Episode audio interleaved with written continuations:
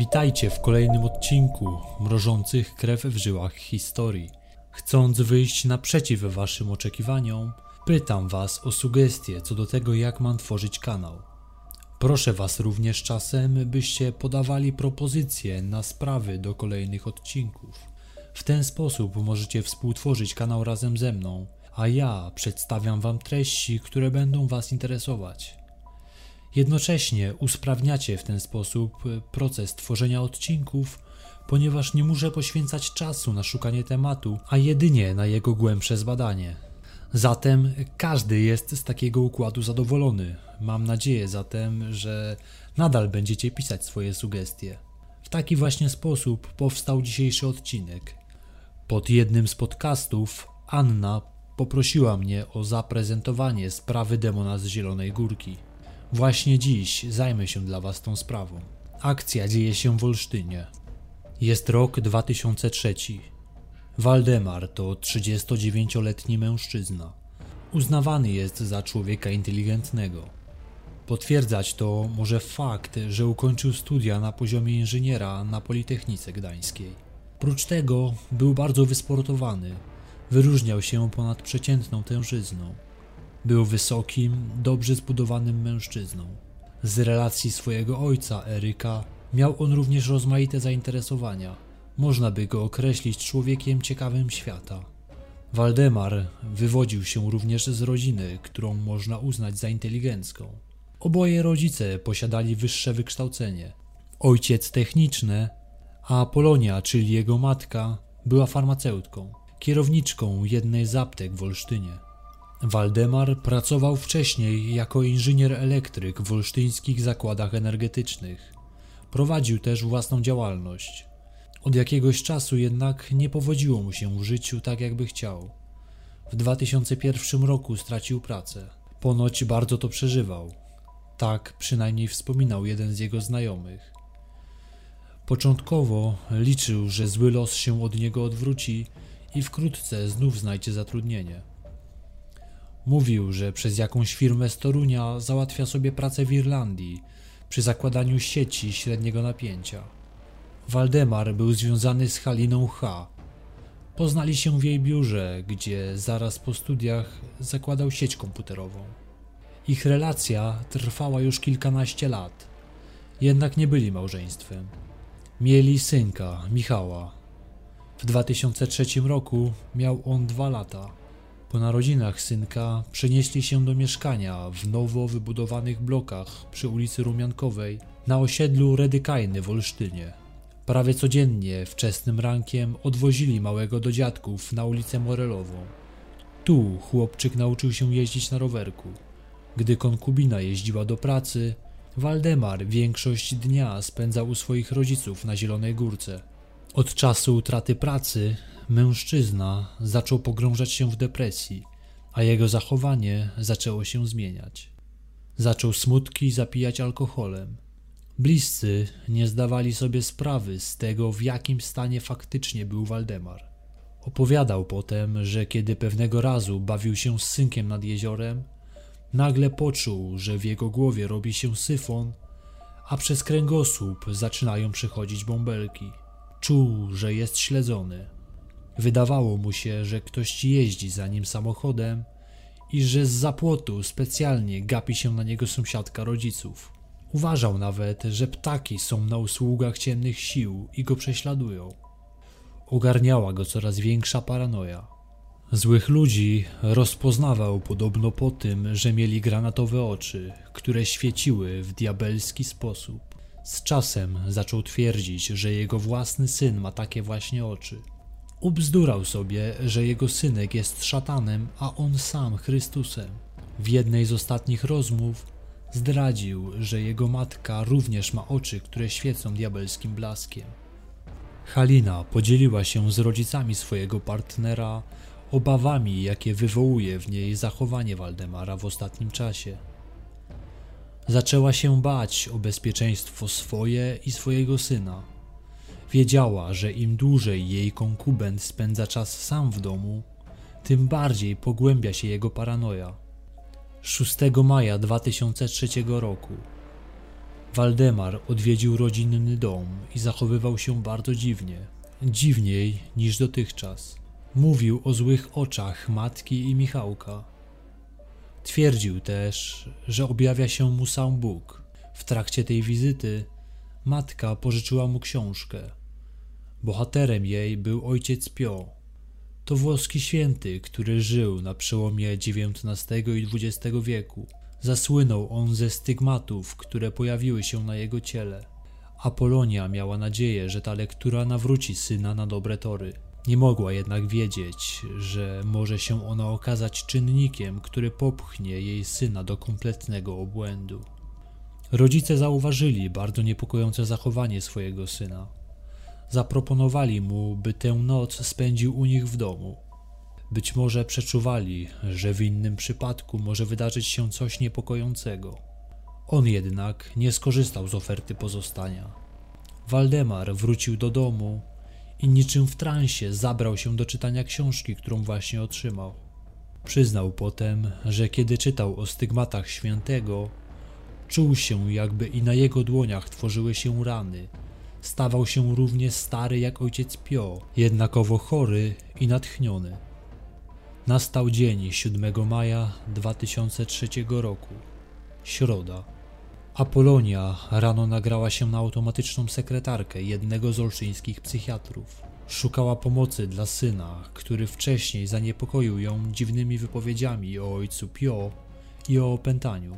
W środę, jak co dzień, Halina odwiozła Michałka do dziadków sama i jak zwykle pojechała do pracy. Kiedy wychodziła z małym z domu, Waldemar jeszcze spał. Położył się dopiero o czwartej nad ranem, po skończeniu czytania książki, którą otrzymał od matki. Bardzo niepokoiła się o swojego partnera. Gdy rozpoczęła pracę, ten zadzwonił do niej, pytając się, ile czasu mu jeszcze zostało. Ten telefon jeszcze bardziej zaniepokoił kobietę. Telefonowała do niego ponownie, ale on nie odbierał. Koło południa postanowiła wyrwać się z pracy i zawieźć go do jego rodziców. Uprzedziła ich. Była bardzo przestraszona. Zachowanie jej męża wykroczyło już znacznie poza wszelkie normy. Gdy Halina pojawiła się w mieszkaniu, zaproponowała Waldemarowi, że razem pojadą do jego rodziców. Ten zgodził się na wizytę na osiedlu Zielona Górka, gdzie zamieszkiwali jego rodzice.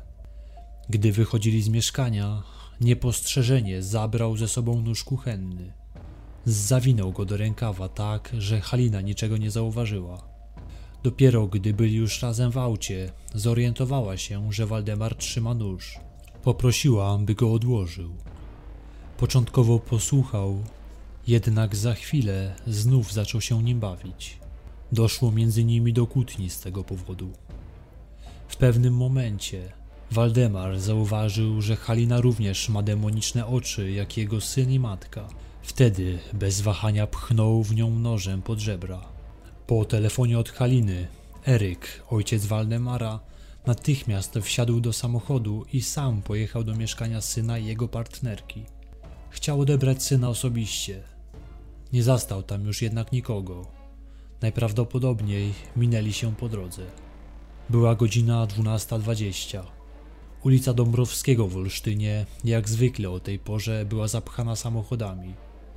Nagle z niebieskiego Fiata Uno wyskakuje kobieta. To Halina.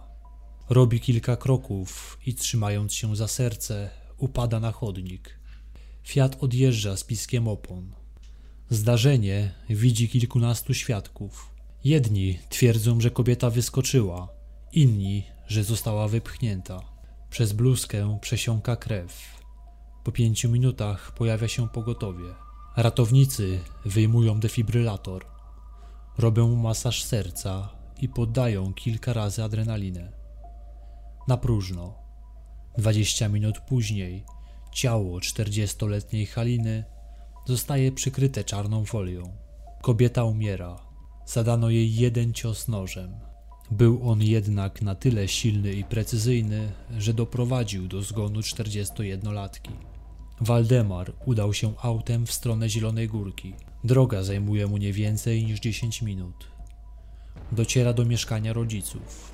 Od tej chwili we wszystkich osobach, na które się natknął, widział diabła. Jego pierwszą ofiarą był synek Michał. Siedział w łóżeczku. Początkowo na widok ojca uśmiechnął się. Ten podbiegł do niego i pięć razy dźgnął synka nożem w pierś. Na koniec poderżnął mu jeszcze gardło. Jego babcia, Apolonia, próbowała bronić wnuka. Wtedy Waldemar uderzył swoją matkę na oślep 15 razy. Rany wskazują na to, że kobieta musiała się bronić. Po niej przyszła kolej na starszego brata. Bogumił niczego się nie spodziewał. Sekcja zwłok wykazała u mężczyzny aż 30 ran od noża. Ostatnią ofiarą szaleńca padła sąsiadka rodziców Teresa G.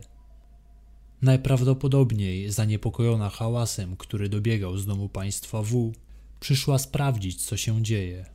Sam sprawca stwierdzi potem, że przywołał ją telepatycznie. Ale bardziej prawdopodobne wydaje się to, że rzezi, która odbywała się w domu, towarzyszyły krzyki. Zaniepokoiły one Teresę. Potem Waldemar W. szukał w domu jeszcze ojca, ale nikogo już nie znalazł. Po wszystkim spokojnie wrócił autem do swojego mieszkania. O godzinie 12.40 Eryk wraca od syna, którego nie zastał w mieszkaniu. Czeka w korku 15 minut i się denerwuje. Widzi przejeżdżającą karetkę. Pomyślał, że najpewniej wydarzył się jakiś wypadek, dlatego korki są większe niż zwykle o tej porze. Karetka pewnie przewozi osobę poszkodowaną w wypadku. Około 13, pogrążony w rozmyślaniach mężczyzna, dociera na ulicę Morelową. Zostawia auto przed swoim domem i niezadowolony, że nie spotkał syna, wchodzi do środka. W najczarniejszych koszmarach nie mógł spodziewać się tego, co zastał w mieszkaniu. W salonie odnajduje zwłoki swojej żony, 65-letniej Apolonii oraz swojego wnuczka, Michałka. Mężczyzna jest w szoku. Mimo wszystko jest w stanie zadzwonić na policję i zgłosić sprawę. Zawiadamia oficera dyżurnego, że w jego mieszkaniu doszło do makabrycznego morderstwa. Zgłasza on, że w domu znajdują się dwa ciała. Detektywom z dochodzeniówki, którzy natychmiast przybywają na miejsce, ukazuje się widok, jakiego się nie spodziewali. W salonie na parterze, oparta plecami o wersalkę, siedzi na podłodze Apolonia. Widać ślady walki, jaką stoczyła z mordercą. Na wersalce leży dwuletni chłopiec. To jej wnuczek, Michał. Wygląda jakby spał. Jednak oboje są już martwi. Ściany i sufit zbryzgane są krwią. To nie wszystko. Któryś z członków ekipy policyjnej woła kolegów do pokoju na pierwszym piętrze. Za chwilę słychać nerwowy głos dochodzący z garażu. Trupów jest więcej. W sypialni na piętrze funkcjonariusze znajdują ciało 41-letniego syna Eryka i Apolonii, Bogumiła. W garażu natomiast natrafiają na zwłoki 57-letniej Teresy. Ona również otrzymała kilkanaście ciosów, chociaż każdy z nich był śmiertelny i wystarczyłby jeden, by pozbawić kobietę życia. Jej zrozpaczony mąż Ryszard powiedział śledczym, że jego małżonka wzięła tego dnia wolne, żeby posprzątać rano w pobliskim kościele. Potem pieliła na tyłach domu ogródek. Pod jej płotem leżała kubka powrywanych mleczy. Może usłyszała krzyk, postanowiła zobaczyć, co się dzieje i została zwabiona przez mordercę do garażu. Ryszard nie potrafił zrozumieć, dlaczego przytrafiło się to jego kochanej żonie. Gdy rozmawiał ze śledczymi, był totalnie załamany. Nie wyobrażał sobie dalszego życia bez Teresy. Funkcjonariusz, który poinformował go o śmierci żony, wspomniał, że Ryszard po otrzymaniu tej wiadomości usiadł bezradny na kanapie i z głosem bezradnego dziecka zapytał, co ma teraz zrobić. Teresa była dla niego wszystkim. Napotkała na swojej drodze Waldemara, który pozbawił ją szansy przeżycia spokojnej starości u boku małżonka. Okoliczności śmierci starszego brata, Bogumiła, też trzeba było się domyślać. Mógł zginąć we śnie, Nie miał zresztą dużych szans na obronę w starciu z postawnym bratem. Był niepełnosprawny. Taki się już urodził w wyniku urazu okołoporodowego. Nie znalazłem informacji, na czym dokładniej polegała niepełnosprawność mężczyzny, ale najprawdopodobniej musiał on znajdować się pod stałą opieką. Sąsiedzi wspominają, że często z domu dochodziły krzyki Bogumiła. Podczas gdy grupa dochodzeniowa zabezpiecza miejsce zbrodni, Waldemar jest już w swoim mieszkaniu. Bierze prysznic. Zakrwawione spodnie, buty i nóż upchnął pod materacykiem w pustym łóżeczku synka. Śledczy po konsultacji z Erykiem podejrzewają, że sprawcą mógł być Waldemar. Udają się do jego mieszkania w celu doprowadzenia go do aresztu. Miał jeszcze mokre włosy, gdy do mieszkania o godzinie 13.30 zapukała policja. Otworzył, wpuścił policjantów do środka, ale kiedy zobaczył wycelowaną w siebie broń, dostał szału. Kilku silnych mężczyzn musiało brać udział w obezwładnianiu sprawcy i zakucił go w kaftan bezpieczeństwa. W trakcie szamotaniny krzyczał w niebogłosy, że wszystkich pozabija. Kopał i gryzł. Sześciu ludzi na nim leżało, a on jeszcze pełzał. Potrzebował specjalnej obstawy, także dlatego, żeby pod komendą policji, gdzie był wieziony na przesłuchanie, nie doszło do linczu. W trakcie przesłuchania Waldemar wspomina o głosie, który kazał mu zabrać nóż z kuchni. Pytany o szczegóły zabójstw zacina się. Przesłuchanie zaczyna się przeciągać na długie godziny, a zeznania podejrzanego są chaotyczne i niespójne. Mężczyzna jest rozkojarzony. Momentami sprawiał wrażenie, jakby nie wiedział, gdzie jest i co zrobił. W pewnym momencie mężczyzna zaczął prosić, by go nie zabijano za to, co zrobił. Krzyczał, że musi się leczyć. Mimo kaftana, jaki miał na sobie, śledczy obawiali się, czy są bezpieczni w jego pobliżu, ponieważ jest on nieobliczalny i może rzucić się na przesłuchującą go policjantkę i chociażby odgryźć jej ucho albo policzek. Za taką zbrodnię mężczyźnie groziło dożywocie. Jednak przed rozpoczęciem procesu należało przeprowadzić dochodzenie w celu ustalenia przyczyn masakry, która dokonała się z rąk Waldemara W. 7 maja 2003 roku. Okoliczności, jakie towarzyszyły zbrodni, dawały powody wątpliwości, czy sprawca był poczytalny w momencie dokonywania zbrodni. Jego zachowanie na długi czas przed zabójstwami wskazywało na chorobę psychiczną, której nie leczył. Eryk twierdzi, że przez całą młodość u jego syna nie zauważył żadnych symptomów choroby psychicznej. Nigdy nie leczył się psychiatrycznie. Nie było z nim problemów w szkole ani później w pracy. Żadnej agresji, żadnego nietypowego zachowania.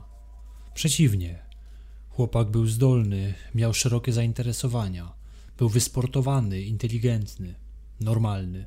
Sam ojciec, który rozmawiał z dziennikarzem jakiś czas po zajściu, zdawał się być cieniem samego siebie. Dziennikarz wspomina, że wyglądał, jakby cierpiał na chroniczną bezsenność. Jego twarz była zmęczona, a ubrania wygniecione. W trakcie rozmowy dopalał papierosa. Ani razu, opowiadając o Waldemarze, nie użył stwierdzenia syn. Wcześniej, kilka dni po wydarzeniach pod jego domem, rozstawiła się ekipa telewizyjna z TVN. Marcin Wrona prowadził wtedy program pod napięciem, w którym pojawiał się na miejscu szokujących wydarzeń, skąd relacjonował przebieg wydarzeń i rozmawiał ze świadkami. Eryk nie był wtedy gotowy na rozmowę przed kamerami, nie chciał dzielić się swoimi wrażeniami. Obserwował z zafirany to, co działo się w tymczasowym studiu. Nieco inny obraz Waldemara przedstawia jeden z sąsiadów Eryka. Twierdzi on, że jako chłopak nie był lubiany przez rówieśników. Był zamknięty w sobie i niekoleżeński. Nie kłaniał się przed starszymi, a raczej omijał ich bez słowa. Psychiatrzy stwierdzili u Waldemara W. schizofrenię paranoidalną i kompletną niepoczytalność. Ktoś taki nie odpowiada karnie. Decyzją Sądu Okręgowego w Olsztynie z grudnia 2003 roku Postępowanie przeciwko Waldemarowi W. zostało umorzone, zaś on sam umieszczony w specjalnie strzeżonym oddziale zakładu psychiatrycznego w Kocborowie. Sąd co pół roku jest informowany o jego stanie zdrowia. W trakcie pobytu w zakładzie zamkniętym Waldemar nie sprawiał żadnych kłopotów. Być może, gdyby został objęty odpowiednią opieką, nigdy nie doszłoby do wydarzeń z 2003 roku. Niestety, czasu już nie cofniemy i nie wrócimy życia pięciu osobom, które zamordował. Waldemar w 2012 roku doznał udaru mózgu i w konsekwencji paraliżu lewej części ciała. Być może do końca życia nie wstanie już z łóżka. Od tego czasu nie znalazłem już żadnych informacji o jego stanie zdrowia. Cała historia jest przerażająca. Wydarzyła się w środku dnia, w spokojnej dzielnicy. Mogło to przydarzyć się każdemu z nas. O ile żona czy rodzice mogli jakoś wcześniej zareagować na bardzo niepokojące zachowanie Waldemara, o tyle pozostałe ofiary nie miały najmniejszego wpływu na to, jaki los ich spotkał. Nie jestem w stanie sobie wyobrazić cierpienia, z jakim musi żyć Eryk, wiedząc, że wszystkie jego najbliższe osoby zostały brutalnie zamordowane przez jego własnego syna. Nie potrafił żyć w miejscu, gdzie doszło do makabrycznej zbrodni. Nie wiem, czy byłoby w ogóle możliwe życie w tym miejscu, jakby nigdy nic. Codziennie musiałby się widzieć z sąsiadem, którego żonę zamordował jego własny syn. W domu, w którym doszło do tragedii, dziś już mieszka ktoś inny. Podobne historie, może mniej krwawe, dzieją się jednakże każdego dnia. Może i ktoś z Was znajduje się w sytuacji, gdy widzi poważne zmiany wśród swoich bliskich, ale boi się interweniować. Nie wahajcie się, bo potem może być już za późno na odwrócenie losu. Swoją interwencją możecie uratować ludzkie życie. I to już wszystko, co chciałem Wam przekazać w tej sprawie. Nie jest to może najdłuższy odcinek, ale uznałem, że temat jest tak ciekawy, że zasługujecie na to, by usłyszeć tę historię. Jeżeli macie historię, którą chcielibyście usłyszeć na moim kanale, to podzielcie się nią w komentarzach. Ja, jak zwykle, zapraszam Was do słuchania mnie na Spotify, gdzie umieszczam wszystkie swoje odcinki. Tymczasem do usłyszenia w kolejnym odcinku już niebawem.